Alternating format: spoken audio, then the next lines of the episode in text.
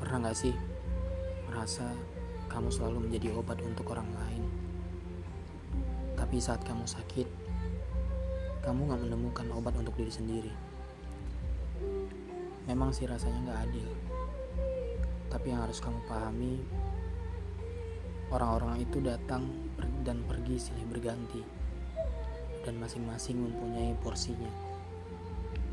Ada yang memberikan pelajaran, ada juga yang memberikan kebahagiaan. Jadi, gak perlu mengutuk siapa pun ya. Tetap semangat menjalani hari, walaupun semuanya dilakukan sendiri.